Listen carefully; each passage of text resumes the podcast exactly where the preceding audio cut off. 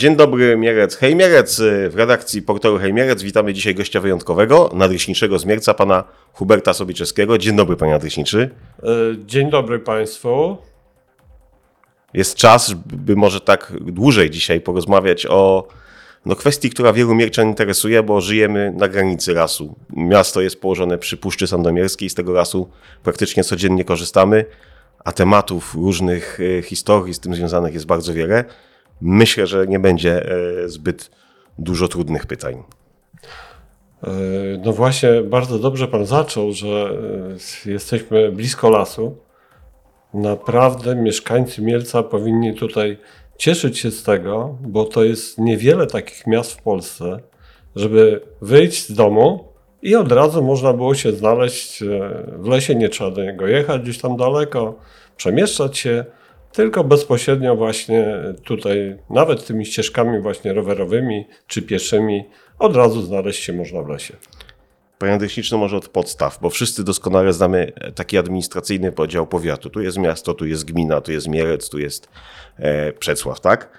Ale ten podział zupełnie nie jest tożsamy z e, terenem działania nadleśnictw. E, czy mógłby Pan nam powiedzieć, tak na dzień dobry, jak wygląda podział, jeśli chodzi o nadleśnictwa, jakie nadleśnictwa mamy na terenie powiatu mieleckiego? No, Mamy cztery nadleśnictwa. e, Można powiedzieć, że taki największy udział to mają Mielec i Tuszyma. E, Troszkę w mniejszym udziale Dąbrowa Tarnowska i Nowa Dęba. Taki ważny element to, że droga Mielec, e, Przyłęk, Mielec-Korbuszowa jest granicą dla państwa. E, Tak, e, droga Mielec-Kolbuszowa. Jak jedziemy w stronę właśnie Kolbuszowej, po prawej stronie mamy lasy Tuszymy, po lewej stronie lasy mieleckie. No tak można e, w takim bardzo ogólnym pojęciu tak powiedzieć. Nadleśnictwo Mielec y, i te wszystkie podmieleckie rasy to, to jak już powiedzieliśmy, pozostałość y, Puszczy Sandomierskiej, potężnego kompleksu leśnego. Nadal budzi podziw y, przecież, ale co nam dzisiaj z tej starej, pradawnej puszczy pozostało? No właśnie, ja trochę też historią się interesuję i cały czas szukam jakichś takich opisów ciekawych, żeby można było, e, powiedzmy, tak, e, e, znaleźć coś udokumentowanego na ten temat. No i, i muszę powiedzieć, że ten okres taki, który mamy, jakieś zapisy, to jest, no, można powiedzieć dawno i niedawno. Według mnie to bardzo niedawno, bo to jest XIX wiek pierwsze jakieś podróże y, botaników, którzy przejeżdżają najczęściej przez y, ten nasz teren i jakieś tam różne y, takie opisy, powiedzmy, tej roślinności znajdują. Bardzo takim ciekawym opracowaniem miało być monografia powiatu mieleckiego, która powstawała y, no, ponad 100 lat temu, to były lata 1907-1914. E, Jednym z redaktorów takich e, już na końcu powstawania tej monografii był wtedy doktor Schafer, a późniejszy profesor Władysław Schafer związany tutaj z, z ziemią mielecką. I on się podjął jakby takich pierwszych prób opisania tego, jak mogły wyglądać te nasze lasy przed wiekami. E, Wiadomo, że to też są jakieś tylko hipotezy, nie, nie, nie, nie- jesteśmy pewni, że to tak było. No ale e, generalnie można powiedzieć, że podzielił las, e, powiat mielecki na dwie części.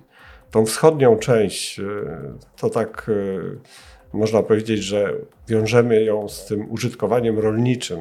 Tam w tej chwili tych lasów jest bardzo mało. E, Są to okolice, czy pobliże rzek Wisłoki, Wisły, gdzie no wiadomo, e, bliskość rzek to gleba dużo bogatsza, tereny zasobniejsze. No i wiadomo, że tam w pierwszej kolejności jakaś kolonizacja zawsze się odbywała. E, Powstawały wsie, karczowany był ten las.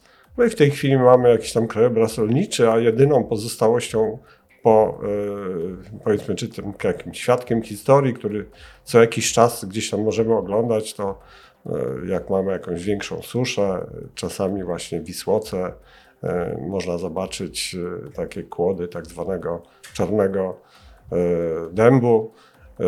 No to jest ten dom, który gdzieś tam kiedyś albo został w czasie powodzi ściągnięty do rzeki albo przewrócił się i leżał w tej wodzie bardzo dużo czasu, bardzo długo e, i y, po prostu y, no, przez, to, przez to, że tak dużo długo leżał, możemy go teraz zobaczyć i domniemywać, że przy tych rzekach to mieliśmy tam Dąbrowy.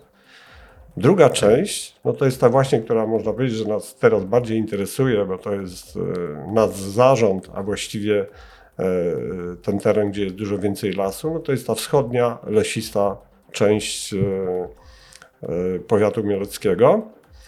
No i tutaj e, już e, Eugeniusz Romer, który też był jednym z e, autorów właśnie tej e, monografii i Władysław Szafer taką e, osobliwość e, tych naszych terenów zauważyli, a potem to można powiedzieć, że przenieśli na większość Puszczy Sandomierskiej.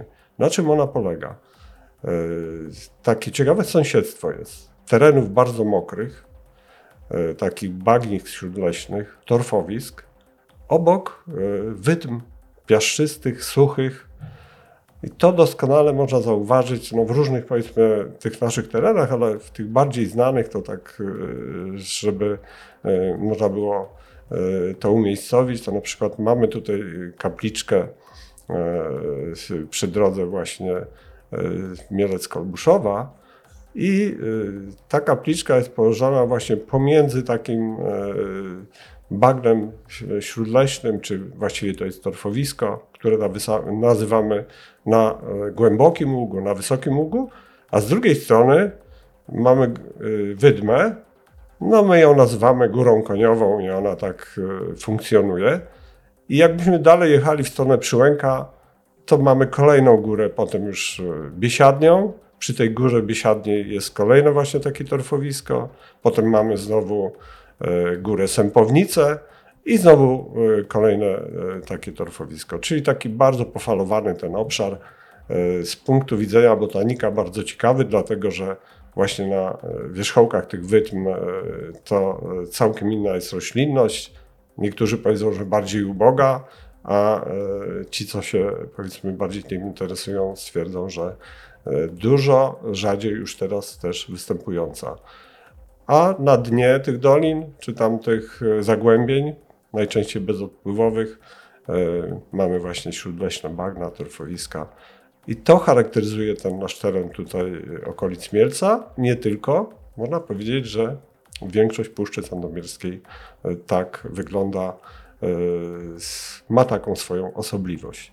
A już tak konkretnie o jakąś taką e, ciekawostkę, no to no, od tego szafera się nie, nie e, uwolnimy. Nie wolno. Bo on wskazywał jako taki, e, powiedzmy, fragment lasu, który być może mógł być, powiedzmy, podobny do tego, jak wyglądała Puszcza, Puszcza Sandomierska. To jest teren, teraz to jest teren leśnictwa Ostrowy, jednego z naszych leśnictw. I e, tam mamy taki rezerwat, który się nazywa Jaźwiana Góra. Rezerwat, który powstał już e, można powiedzieć, że pierwszy raz powstał przed II wojną światową, jeszcze jak Mhm. e, była to własność prywatna. I inicjatorem powstania tego rezerwatu był właśnie Władysław Szafer. E, Co tam takiego szczególnego jest? No właśnie to, o czym też mówiliśmy przed chwilą, czyli mamy e, fragment taki właśnie e, wzniesiony, gdzie jest buczyna rośnie, a poniżej tego właśnie taki już bardziej teren obniżony, bagnisty, no to już bardziej zróżnicowany drzewostan. Mamy tam sporo jodły, są buki, dęby, graby, e, e, może pojedyncze wiązy się znajdują, no i bardzo bogata roślinność, e, taka związana właśnie z tymi terenami podmokłymi. To ja bym może, może zostaniemy na chwilę w tym, tej części nadleśnictwa Mielec, bo tam obok blisko, bym powiedział, jest potok Smarkata, e, który Państwo promujecie mocno w swoich mediach społecznościowych. No, bardzo taki urokliwy i unikalny faktycznie zakątek. E, Towarzystwo Wolne Rzeki, takie stowarzyszenie, które też tutaj u nas w regionie się e, aktywizuje, e, postuluje o utworzenie w tym miejscu rezerwatu przyrody. Czy faktycznie jest taka potrzeba i taka możliwość, żeby Smarkatą e, w taki sposób objąć ochroną? A tutaj też bym się odniósł tak trochę bardziej do historii. I ten teren, no, z wyniku jakichś różnych poszukiwań archiwalnych, mam też udokumentowane, jak ta działalność leśna tam przebiegała. No i możemy powiedzieć, że od XIX wieku już cały czas tam była prowadzona gospodarka leśna. Wiadomo, że to wtedy jeszcze były prywatne własności, no duże własności, bo to przede wszystkim rodzina Włodków na, na tamtym terenie zarządzała. Konkretnie może z Markatą nie, bo już w tym okresie y, powiedzmy tam tych właścicieli było więcej, ale generalnie to była właśnie taka większa własność. I ta działalność była prowadzona, no mamy y, takie plany urządzenia lasu. To są takie nasze, można powiedzieć, jakieś no, opracowania, według których e, postępujemy w ciągu 10 lat teraz. Ale mam takie opracowanie właśnie z tamtego okresu, z, z połowy XIX wieku. To opracowanie było sporządzone na 60 lat. I też z takimi wskazówkami dokładnymi. Każda pozycja była opisana, każdy powiedzmy ten e, fragment lasu, co w nim tam trzeba było robić, jak, jak to miało wyglądać. Teraz mamy trochę krótsze te plany. Yy, działamy na tych planach dziesięcioletnich. I między innymi tam też tą działalność leśnicy prowadzili. Po wojnie, no to wiadomo, tu też taka ciekawostka, bo wszyscy, no teraz mamy Nadleśnictwo Mielec, ale kiedyś to wcale się nie nazywało Nadleśnictwo Mielec, tylko to było Nadleśnictwo Wojsław, co z terenem Wojsławia niewiele miało wspólnego, oprócz tego, że w tym e, dworku w Wojsławiu mało Nadleśnictwo siedzibę, a zarządzało praktycznie tym samym terenem, którym teraz zarządza Nadleśnictwo Mielec. No, Nadleśnictwo Mielec powstało w końcu lat 70., już w tym kształcie takim, jak, jak mamy obecne. No i przez te, y, już teraz po wojnie, no to mamy y, blisko 80 lat. Dokładnie. Też leśnicy cały czas tam gospodarowali. No i ciekawe właśnie, że najładniejszy fragment tej rzeki, no bo rzeka wiadomo, że jest dużo dłuższa, ale Tak jest. najładniejszy ten fragment, no to jest ten teren, którym my zarządzamy. Jak przechodzimy na tereny rolnicze, to już taki nie ma ładnie. Jak mamy własność tam gdzieś prywatną, to też ta rzeka no, nie wygląda tak, y, jak y, powiedzmy na tym naszym terenie. Y, Jest y, to też y, powiedzmy taki y, bardzo urokliwy zakątek. My to y, takie miejsca to nazywamy uroczyskami. Y, Mówimy właśnie o uroczysku z Markatej. No dlaczego ona jest taka ładna? No przede wszystkim mm, nie jest e, wyprostowana, jak to tak może Pięknie się e, wije. kolokwialnie mówiąc. Czyli ma te wszystkie swoje meandry, starorzecza. E, Tutaj e, Władysław Szafer to miał specjalną nazwę właśnie na takie e, powiedzmy części tych rzek pozostałe. Na przykład e, co do Wisły, to się Wiśliska nazywały te starorzecza. Odnośnie Wisłoki, Wisłoczyska. Czyska. Breń to Brniska. No a Smarkata, no co Smarkaczyska. Okej. E, s- I, I przechodząc do sedna. Z takiego punktu widzenia egoistycznego bardziej, leśnicy właściwie, albo leśnikom to by było bardzo na rękę, jakby ten rezerwat tam powstał. Dlaczego? Dlatego, że po powstaniu tego rezerwatu to tylko leśnicy mogliby po prostu do tego rezerwatu wchodzić, no bo takie są zasady. Rezerwat, y, jeżeli nie ma wyznaczonej jakiejś trasy takiej turystycznej do przejścia, no to jest niedostępny i jest to teren, który y, po prostu chroni się w ten sposób. No i myślę, że Towarzystwu Wolnej Rzeki też o to chodzi, żeby to ochronić. No tak, ale y, już sami y, jak się zorientowali, że to, tego wstępu nie będzie, to też y, trochę widziałem, że mieli jakiś dysonans tutaj z tym związany. No mnie się wydaje, że tak, chronimy to już tyle lat. No bo cały czas to chronimy, bo to wiadomo, jest to jakieś tam oczko w głowie. Aktywna ochrona, póki co, jest najlepszym sposobem na to, żeby zachować coś. Bo jeżeli mówimy o tym, żeby obserwować tylko, no to wtedy jest inna sprawa. No ale y, ja na przykład uważam, że y, powinniśmy to zachować, żeby powiedzmy te przyszłe pokolenia też mogły zobaczyć, jak to wygląda. Teraz takim jedynym zagrożeniem, które widzimy w tej chwili, no to tak e, niestety ten, na, ci nasi młodsi bracia nam tam trochę e, mieszają, dlatego że rzeka była porośnięta, no wszystkie brzegi e, bardzo gęstym drzewostanem. A teraz już jest tego drzewostanu coraz mniej, no dlatego że pracują tam cały czas bobry, e, ścinają te drzewa. No wiadomo, że nie będą daleko chodzić, tylko to, co jest najbliżej, to, to No, próbują. tam nie, nie uszanują, że to... tam, tam wycinać, a naprawdę no, przepiękne drzewa. No, gatunków e, sporo różnych. Można powiedzieć, że cała plejada tych gatunków, które u nas występowały i teraz występują, no bo rzeka to jest takie miejsce, gdzie są e, najlepsze warunki dla takiej szerokiej gamy tych gatunków. Zawsze jest miejsce takie najbardziej mokre, potem troszkę wyżej jest troszkę inaczej, jakieś odsypiska są, tam e, są już całkiem inne warunki. To jeśli mówimy o formach ochrony, e, tej takiej zorganizowanej, tak kilkanaście, może 20 lat temu, jak ja gdzieś tutaj zaczynałem mocniej się interesować e, tym, co w, tym, w tych tematach ochrony przyrody dzieje się w okolicach Mierca, gdzieś trafiłem, pamiętam, takie medialne doniesienia czy, czy pomysły, żeby ta Puszcza Sandomierska tutaj w okolicach Mierca między innymi była objęta e, ochroną w formie parku krajobrazowego. No dzisiaj to jest chyba temat już nieaktywny, ale to, to faktycznie miałoby sens. Coś działo się, dzieje się. Może pan zweryfikować takie donos donosy?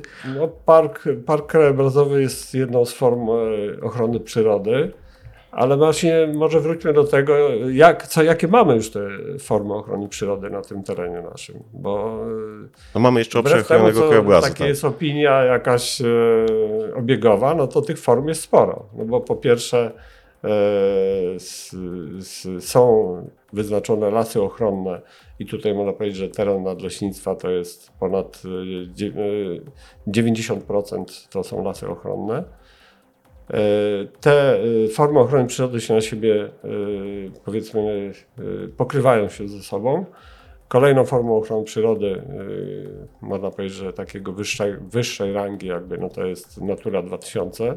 I tu też prawie 90% powierzchni nadleśnictwa jest objęta e, tą formą ochrony. No i jeszcze właśnie mamy obszar chronionego krajobrazu. To jest e, Mielecko-Głogowsko-Kolbuszowski obszar chronionego kra- krajobrazu, który też jest formą ochrony przyrody zapisaną w ustawie. Znaczy ja sobie próbuję tak zgadywać, że być może z tym parkiem krajobrazowym idea była taka, że park krajobrazowy to też jest już tak konkretna nazwa, y, powiedziałbym medialna, marketingowa, że można by te tereny też uruchomić bardziej turystycznie. No, jak w wielu przypadkach tak się dzieje. E, No tutaj muszę powiedzieć, że pod względem turystyki to nie powinniśmy mieć żadnych e, skrupułów jakichś, bo nasz teren jest bardzo znany w całej Polsce. No to 20 lat temu, jak gdzieś jeszcze inne czasy były medialnie, tak? Tak, no bo przyjeżdżają do nas przecież e, miłośnicy turystyki rowerowej na te różne imprezy, o których tam pewnie jeszcze będziemy mówić. Wrócimy, tak. E, No z całej Polski, bo wiemy z tych list startowych, że czy, e, no tu nie chciałbym znowu wymieniać tych imprez, żeby To może do imprez. zapomnieć. tak, ale i- do, do imprez dojdziemy Leśniak. dojdziemy jeszcze potem. Ja mam taką prośbę. Jeśli mówimy o, tych, o tym, co w mediach, to w mediach teraz królują wilki. I, I mówi się o wilkach w Bieszczadach, tak, bo tu chyba już całe Podkarpacie, mówi się o wilkach gdzieś tam w lasach gorlickich, już na w Małopolsce. No, kilkanaście dni temu bodajże tutaj zadzwonił, napisał do nas y, mieszkaniec ulicy Królowej Jadwigi już praktycznie w mieście, e, że ten wilk prawdopodobnie tam się już pojawił. No ja pamiętam, że wilki na terenie Mielca nawet tutaj, to nie jest nowość, ale jak teraz, teraz z tymi wilkami jest? Czy faktycznie nagle jest ich więcej? Czy one stwarzają państwu, czy, czy nie wiem, mieszkańcom okolicznych wsi jakieś problemy tych wilków? Powinniśmy się w ogóle w jakiś sposób obawiać? Jest, jest taka potrzeba, żeby e, gdzieś ostrzegać przed tymi wilkami? No to akurat jesteśmy w dobrym okresie, bo s- teraz y, sporządzamy taką inwentaryzację, gdzie między innymi też określamy liczebność zwierząt chronionych, no czyli wilków też. W tej chwili powiedzmy jakby na E, Dzień dzisiejszy, no to e, leśnicy zauważyli około sześciu wilków tutaj w tym naszym terenie. Z tym, że no to bardziej mówimy o terenach e, leśnictwa Ostrowy, Pateraki, Czajkowa, czyli to nie są tereny tutaj blisko e, związane z Mielcem, to jest gdzieś w granicach około 10 kilometrów. E, No i tam mm, wiemy, że co jakiś czas są takie doniesienia o tym, że te wilki e, gdzieś tam e, po prostu przebywają, czy przemieszczają się, bo to zwierzęta, które bardzo, bardzo szybko się przemieszczają, także z jednego dnia mogą być w tym miejscu, w drugim może być to 100 kilometrów dalej. E, Co do jakichś e, powiedzmy takich niebezpiecznych sytuacji, no to e, no jak zwykle to jest dzikie zwierzę. Ale ludzi też się boi. E, Na pewno trzeba zachować ostrożność. Ja nie spotkałem się z żadnym e, przypadkiem takim, którym e, słyszał, że wilk tam kogoś zaatakował, czy jakiś był z tym związany problem. No ale wiadomo, jeżeli kogoś spotkamy w lesie, to trzeba się po prostu ostrożnie zachowywać, nie krzyczeć, nie, nie uciekać, powoli, spokojnie. Mieliśmy tutaj, powiedzmy, w tych ubiegłych latach jakieś takie spotkania pracowników lasów, czy e, firm, które wykonują jakieś tam prace. E, Nawet to śmiesznie wyglądało, bo e, taki wilk sobie, powiedzmy, tam e, usiadł gdzieś tam na skraju e, lasu i przyglądał się, jak ci pracownicy wykonują e, swoją pracę. To akurat była jakaś pielęgnacja upraw.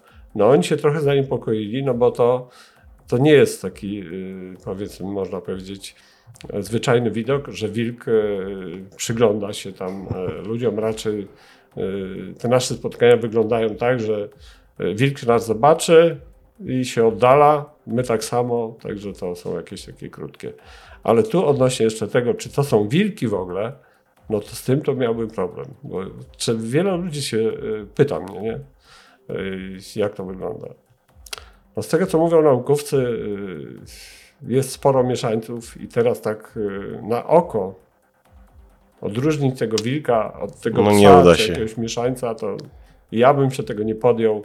Mówią wszyscy o badaniach genetycznych i w ogóle, żeby ocenić y, liczebność populacji, że to będzie jedyny sposób, żeby po prostu dowiedzieć się naprawdę, ile mamy tych prawdziwych wilków. Ale to nie jest tak, że nie wiem, nagle tych wilków jest rekordowo dużo, no bo ja pamiętam, nie tak z 15 lat temu to mówiło się o fatasze 11-12 wilków, która może bardziej po stronie Tuszymy gdzieś tutaj e, funkcjonowała. Takim pamiętam wspomnienie wycieczki szkolnej w lesie, która spotkała wilka.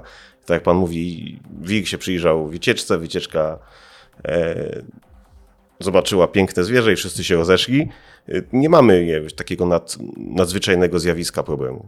Nie, no to, to wynika z tego, że tak, y, wilk jest pod ochroną, wiadomo, warunki ma dobre do tego, żeby się rozwijać, bo naturalnych y, wrogów nie ma.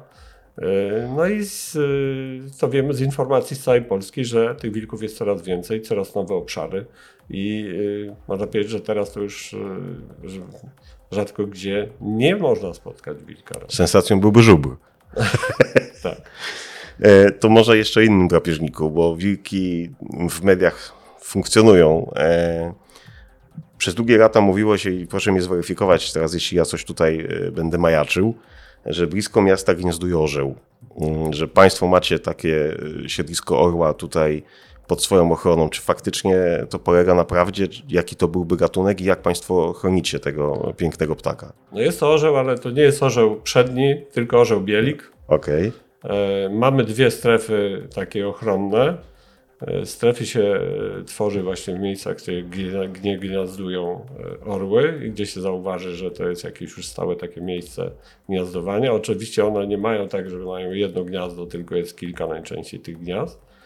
I na terenie leśnictwa Ostrowy mamy takie e, e, dwie strefy właśnie e, dla tych e, pięknych ptaków e, założone. Rozumiem, że nie zdradzamy lokalizacji, nikt tam się nie zbliża i tak dalej. E, Na pewno jak e, redakcja Hejmielec się będzie chciała wybrać, to może nie pod samo gniazdo, bo tego nie możemy zrobić, ale w pobliżu, tak żeby można było zobaczyć, jak ten orzeł tam gdzieś lata, to możemy po prostu podjechać. Myślę, że pomyślimy, jak będzie zdecydowanie cieplej na zewnątrz.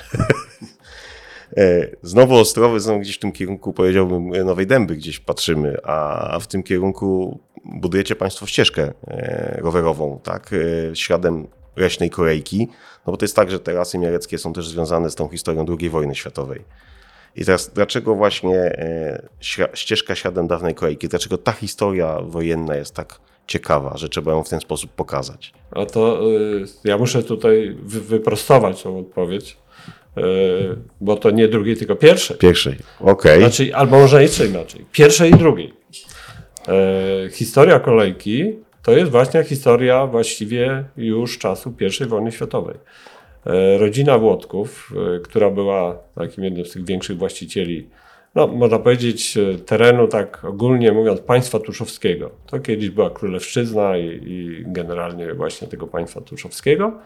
E, no, była właścicielem tych lasów. W związku z tym, że dróg za wiele nie było, e, wtedy e, można powiedzieć, że taka moda przyszła na te kolejki leśne. No to na pewno nie moda, tylko jakaś konieczność, że po prostu jakoś to drewno pozyskiwane w tych lasach trzeba było wywodzić.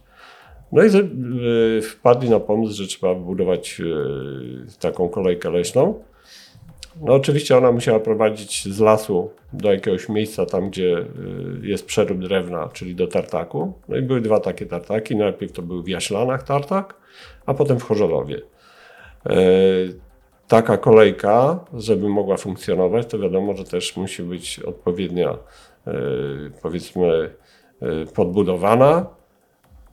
Te tereny u nas y, niektórzy mówią, że to same piachy, ale to nieprawda, bo jest bardzo dużo tych terenów właśnie podmokłych. I żeby taka kolejka mogła y, funkcjonować, to trzeba było zrobić nasypy.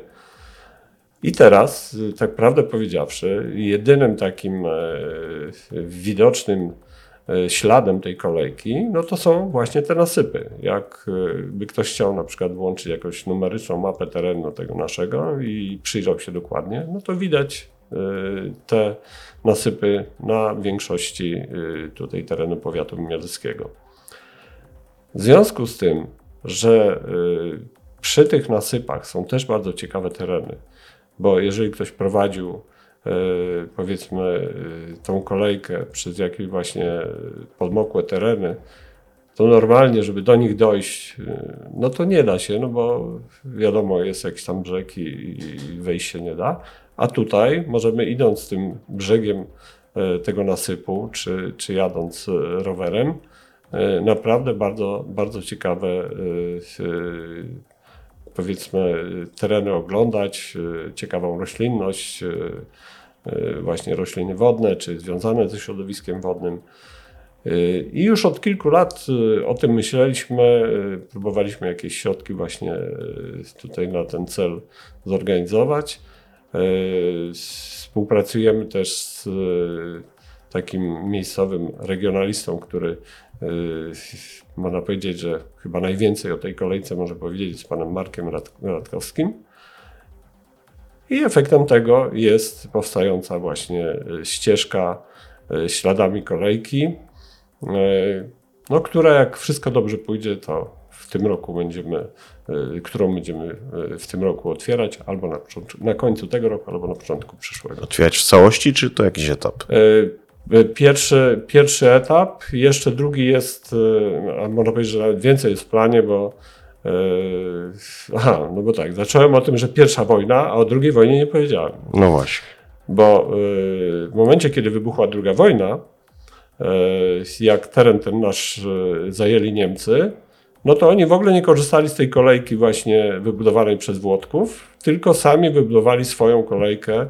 E, Miejscami nawet te kolejki się krzyżowały, ale oni używali tylko tej swojej i ta ich kolejka, no to można powiedzieć, że właśnie prowadziła tak w uproszczeniu z Mielca do, w kierunku Nowej Dęby. Nowej Dęby. Zresztą e, założenia były takie, że nawet e, już po wojnie też planowano do Rudnika nad Sanem e, doprowadzić tą kolejkę, żeby, żeby po prostu tak, e, taki szlak był e, dużo dalszy.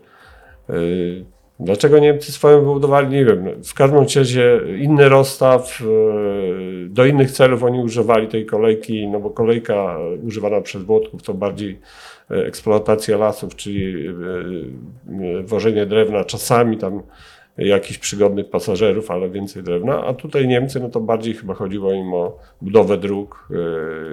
Tutaj przy tej kolejce miała powstać ta słynna autostrada, co tam też różne rajdy, yy, czy tam yy, yy, biegi piesze też się odbywają tą trasą. To jeśli mówimy o ścieżkach, to może mniej historii, e, bo dużo Państwo pobudowaliście dróg pożarowych, które też e, dla przygodnych tu rowerzystów są ścieżkami rowerowymi dosyć wygodnymi. A ja pamiętam takie głosy oburzenia i czy możemy się do tego odnieść, e, że to wręcz dewastacja lasu, że powstają autostrady leśne e, dla leśników, e, takie mm, drogi, których niekoniecznie chcieliby niektórzy widzieć. Czy te nowe drogi pożarowe, czy te takie prace pożarowe to jest konieczność, jeśli chodzi o ochronę pożarową lasu, czy można to zrobić inaczej? No to jak wśród ludzi. Jednym e, drogi pożarowe się podobają, bo właśnie mogą jechać spokojnie i jeszcze jak popatrzą, jaki mają numer tej drogi, to wiedzą, że się nigdzie nie zgogą.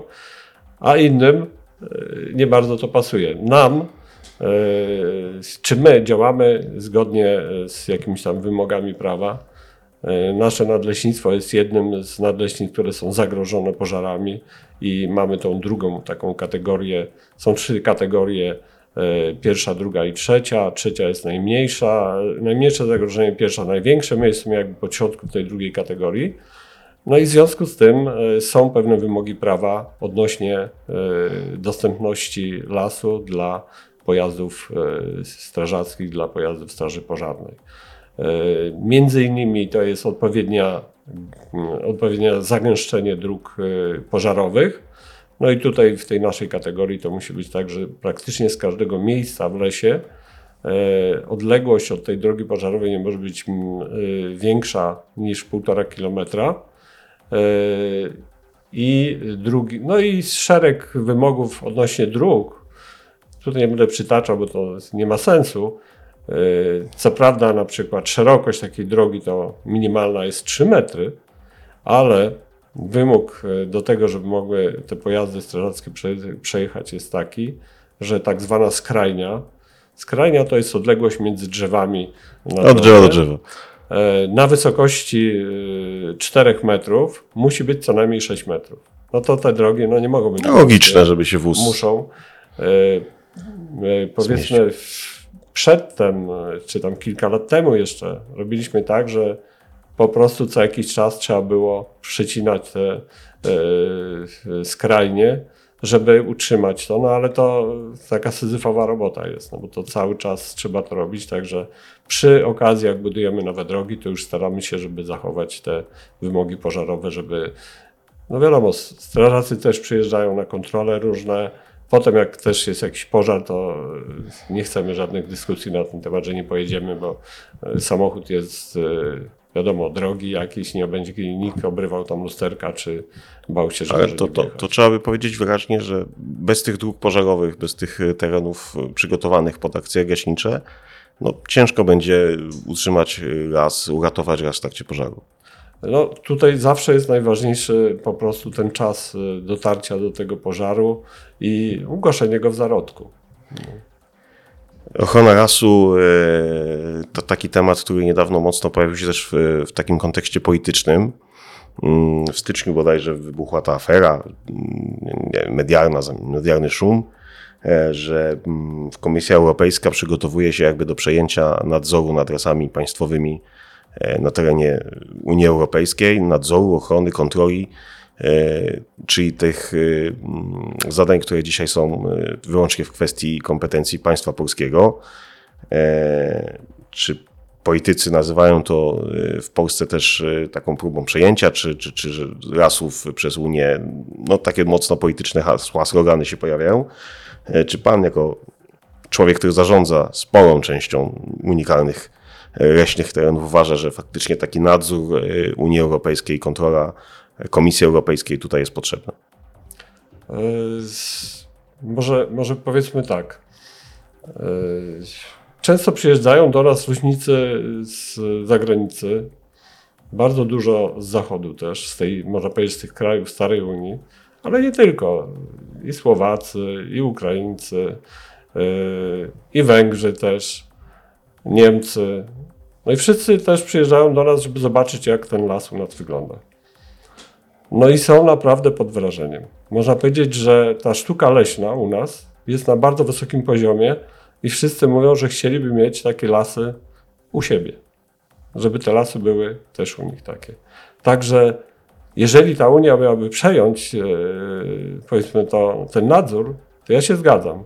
Ale to powinni być Polacy, czyli leśnicy polscy powinni sprawować nadzór nad lasami Unii Europejskiej. To tak może brzmi humorystycznie, no ale y, powinno się chyba jednak wziąć do tego kogoś, kto się na tym zna, kto wie, jak to robić i kto ma sukcesy. Bo no, we Włoszech mamy makię śródziemnomorską, to y, jakby ktoś to zobaczył, ja nieraz jak to widzę, to no, śmiać mi się chce, no, bo to jest właśnie, niektórzy nazywają, czy Włosi uważają, że to jest las, nie? No, to jest y, typowe takie gospodarstwo odroślowe, y, gdzie tam co 30 lat powiedzmy się przeprowadza jakieś tam cięcie. Z kolei znowu na północy są to też całkiem inne lasy, w Hiszpanii też inne lasy, także ta specyfika no to chyba jednak też upoważnia do tego, że to jednak te powiedzmy kraje, które mają u siebie te lasy, to one powinny tym zarządzać. No ja tu będę złośliwy, bo jednak dostaję na przykład y, zdjęcia z okolic Mierca, tutaj o choćby znowu Królowej Jadwigi, e, tereny dawnego Ragarmierec, gdzie tutaj ostatnio znikło dużo rasu, bo został wycięty i mierczanie mówią, e, leśnicy wycinają nam raz. Jak to z tym jest, z tymi wycinkami? No to właśnie tu musimy jeszcze wrócić do tych pojęć różnych i używanych yy, słów. Nie? E, mówimy o jakiejś yy, wycince. O wycince moglibyśmy mówić wtedy, gdyby to miejsce pozostało puste, czyli to byśmy mieli tak zwane wylesienie. U nas nigdy tak nie ma. Zresztą, jak ktoś znajdzie takie miejsce, to proszę do mnie przyjść, a ja ukażę tego leśnika, który coś takiego zrobił. U nas, y, jeżeli y, prowadzimy jakieś cięcia, jeżeli drzewostan jest już powiedzmy dojrzały wiekowo do tego wyrębu, czyli powiedzmy sosna to jest powiedzmy te 90-100 lat, to je, po wycięciu tych drzew w ciągu 5 lat tam musi powstać nowy las. Najczęściej to jest tak, że tu blisko miasta to próbujemy zawsze to robić tak, żeby jak najmniej tych y, powiedzmy E, swoich sił do tego używać, a wykorzystywać siły natury. Czyli część drzew zostawiamy i z tych drzew się obsiewają nasionka, wyrastają sieweczki i rosną nowe pokolenia drzew.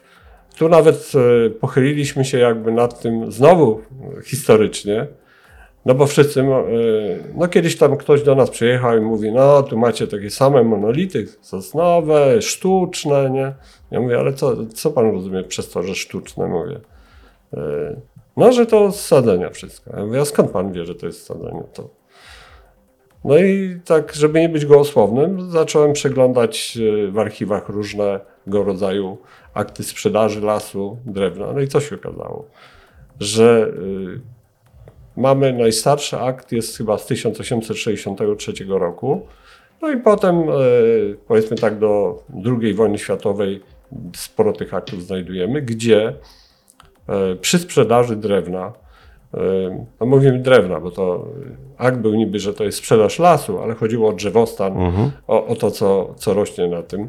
Były zapisy w tych aktach, które zobowiązywały tego, który kupował, że ma pozostawić nasienniki, E, zwłaszcza właśnie w takich miejscach, jak tutaj mamy, piszą właśnie o tych wydmach, to e, kiedyś to grzędy się nazywało, oni nazywali to grzędami, odpowiednia ilość tych nasienników i e, do czasu, powiedzmy, aż powstanie tam jakiś nowy drzewostan, obsieją się. Za to miał z kolei od tego właściciela jakby taką bonifikatę, mógł sobie w innym fragmencie lasu wybrać tyle samo drzew, które musiał tam pozostawić. Mało tego, starostwo też no wtedy to było CK Starostwo, sprawowało nadzór nad tymi lasami e, prywatnymi i wydawało decyzje odnośnie właśnie e, wycięcia jakiegoś tego lasu, no to też tam były bardzo rygorystyczne zapisy odnośnie tego, że jeżeli te odpowiednie warunki są, to zostawiamy te nasienniki i y, obsiewają się one, ewentualnie potem się tylko dosadza. No i my też to cały czas robimy. Tak samo robimy. Przy mieście staramy się, no oczywiście nie możemy zawsze tego zrobić, bo nie zawsze ten las jest taki ładny, żeby można było go, powiedzmy, jak to mówię, reprodukować. Czy teren może nie być odpowiedni, jak na przykład za bardzo duże zachwaszczenie jest e, na dole, no to wtedy z tego obsiewu nic tam nie będzie. Ale w większości przypadków wykorzystujemy e, te siły natury do tego, żeby tą sosnę w ten sposób odnowić. Pewnie, że chcielibyśmy tak robić, żeby to były tylko pojedyncze drzewa usuwane. I ja bym bardzo się cieszył, bo to wtedy by znaczyło, że mamy jodłę dużo.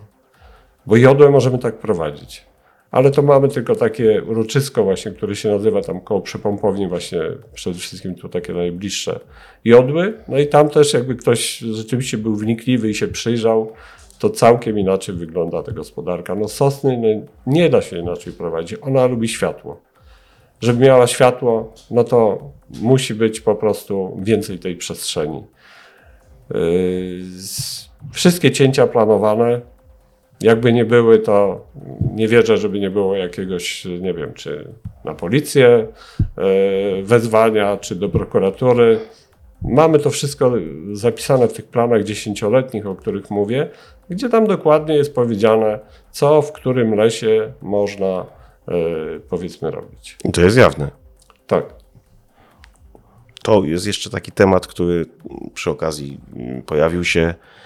E, znowu Królowej Jadwigi, znowu ulica Wolności, e, że tam jest taki obszar, który Państwo e, wyznaczyliście jako miejsce, w którym zamiast lasu miałaby powstać fa farma fotowoltaiczna.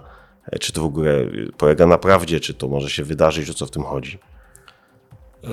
No lasy jako taki odpowiedzialny, można powiedzieć, E, organizacja odpowiedzialna, no to bierze udział też w różnego rodzaju projektach. No a zwłaszcza teraz bardzo dużo jest projektów związanych z tymi odnawialnymi źródłami energii. No i w pewnym okresie dostaliśmy powiedzmy tam do wypełnienia taką ankietę, czy widzielibyśmy jakieś miejsce takie pod właśnie tą farmę fotowoltaiczną. No, na pierwszy rzut oka wydawało nam się, że nie, ale potem rzeczywiście y, to było takie miejsce, gdzie kiedyś miały być tam działki dla pracowników zrobione, było wyznaczone, podzielone. To był grunt rolny y, i y, to powiedzmy zostało zgłoszone wstępnie, że może być tam powiedzmy taki teren pod tą fotowoltaikę. Ale potem, jak się tak okazało, jakie to muszą być wymogi tego, że tam mamy ten grunt już w większości można powiedzieć, że przez sukcesję naturalną powstał znowu jakiś tam las, e, że wiązałoby się właśnie to z, z powiedzmy wycięciem tych drzew kolejnych, e, no to w tym e, nowym operacie uznaliśmy już ten teren cały jako zalesiony.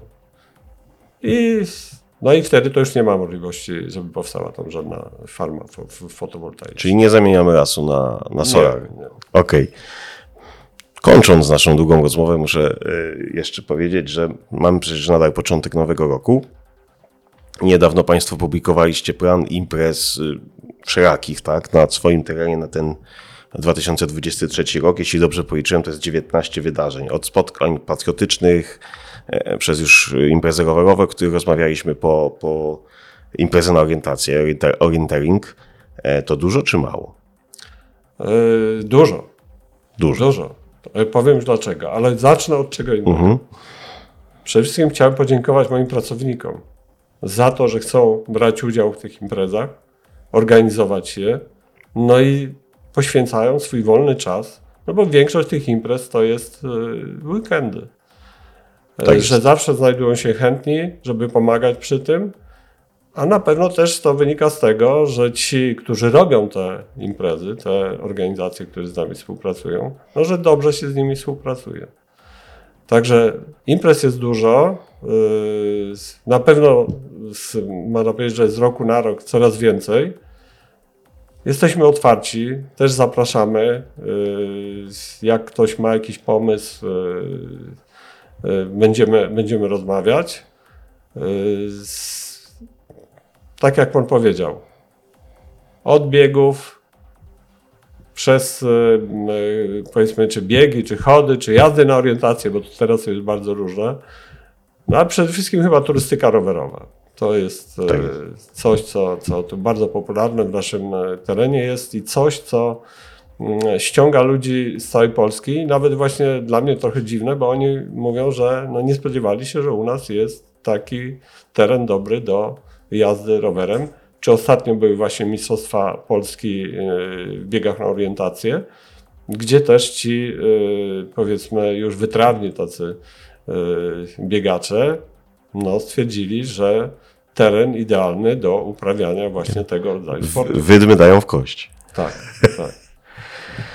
No i chyba tym optymistycznym akcentem moglibyśmy nasze takie pierwsze dłuższe spotkanie e, myślę, że zakończyć, bo tych wątków leśnych będzie pewnie jeszcze dużo i pozbiera się na kolejną e, wizytę tutaj, czy, czy u Pana już pewnie w terenie. A właśnie może odnośnie tej wizyty, bo zawsze słyszę takie głosy o, o tym, czy coś cennego u nas jest. Nie? To większość ludzi mówi, a do obwodnicy to tutaj nic nie ma. Nie? Że to bardzo słaby ten. A zapraszam, jak będzie wiosna, bo mamy naprawdę kilka perełek przed, w Do obwodnicy, przed tak? obwodnicą. I to nie są jakieś takie yy, no, wy, wydumane, bo na przykład na tym terenie rośnie królowa polskich kwiatów leśnych, lilia złotogłów. Yy, oczywiście to nie będzie do rozpowszechniania, gdzie jest w którym miejscu, żeby nam Właśnie nie zginęła. zacząłem się troszkę obawiać. Ale żebyśmy po prostu zobaczyli, że to nie jest e, jakieś coś wydumane. Mamy storczyki tu na tym terenie. Zresztą, jeżeli ktoś naprawdę szerzej oczy otworzy i popatrzy na ten las e, z takim zrozumieniem, czy trochę sobie też e, zabawi się w takiego botanika i tych, no, rozpoznaje trochę tych roślin, to naprawdę dużo ciekawych rzeczy jest. Nawet w tym lesie takim ubogim, jak to też niektórzy uważają, tym poligonowym, który jest, no wiadomo, że jest e, pod względem żyzności bardziej ubogi, no i ten drzewostan, my to się cały czas e, cieszymy, że ten drzewostan rośnie, no bo tam nie było przez 50 lat lasu. I to nie jest takie proste, żeby ten las tam dalej funkcjonował. A tam mamy na przykład mącznicę lekarską, roślina chroniona, opisywana właśnie przez Władysława Szafera 100 lat temu na tym naszym terenie. Z takich ciekawostek jeszcze, e, które na przykład Szafer uważał, że e, w związku z tym, że tam e, prowadzone były melioracje, że nie będzie już tych roślin, no to taka paproć długosz królewski, którą on w tych swoich publikacjach pisał, że to jest jedyne tutaj zna takie stanowisko na terenie Puszczy Sandomierskiej. Na terenie zarządzanym przez Nadleśnictwo Mielec jest naprawdę kilkanaście e, stanowisk i, Długosz Królewski bardzo dobrze się czują u nas. Ale przypominam, że to paproć jest, bo już kilka razy o tym mówiłem, potem dzieciaki się pytały, a co to za wąż? Nie, to chyba wiem, że paproć. Panie Leśniczy, bardzo, bardzo jeszcze raz dziękuję. Myślę, że do zobaczenia, jak tylko warunki będą bardziej przyjazne. Chociaż raz zimą ten też bywa piękny. o każdej porze, ale jednak na wiosnę, w lecie. Zapraszam, pokażemy wtedy e, to, o czym mówiliśmy dzisiaj. Dziękuję bardzo. Dziękuję panie leśniczy. Szanowni państwo, e, bardzo dziękuję za uwagę. Dzisiaj długo, ale bardzo treściwie. Myślę, że do zobaczenia, do usłyszenia wkrótce.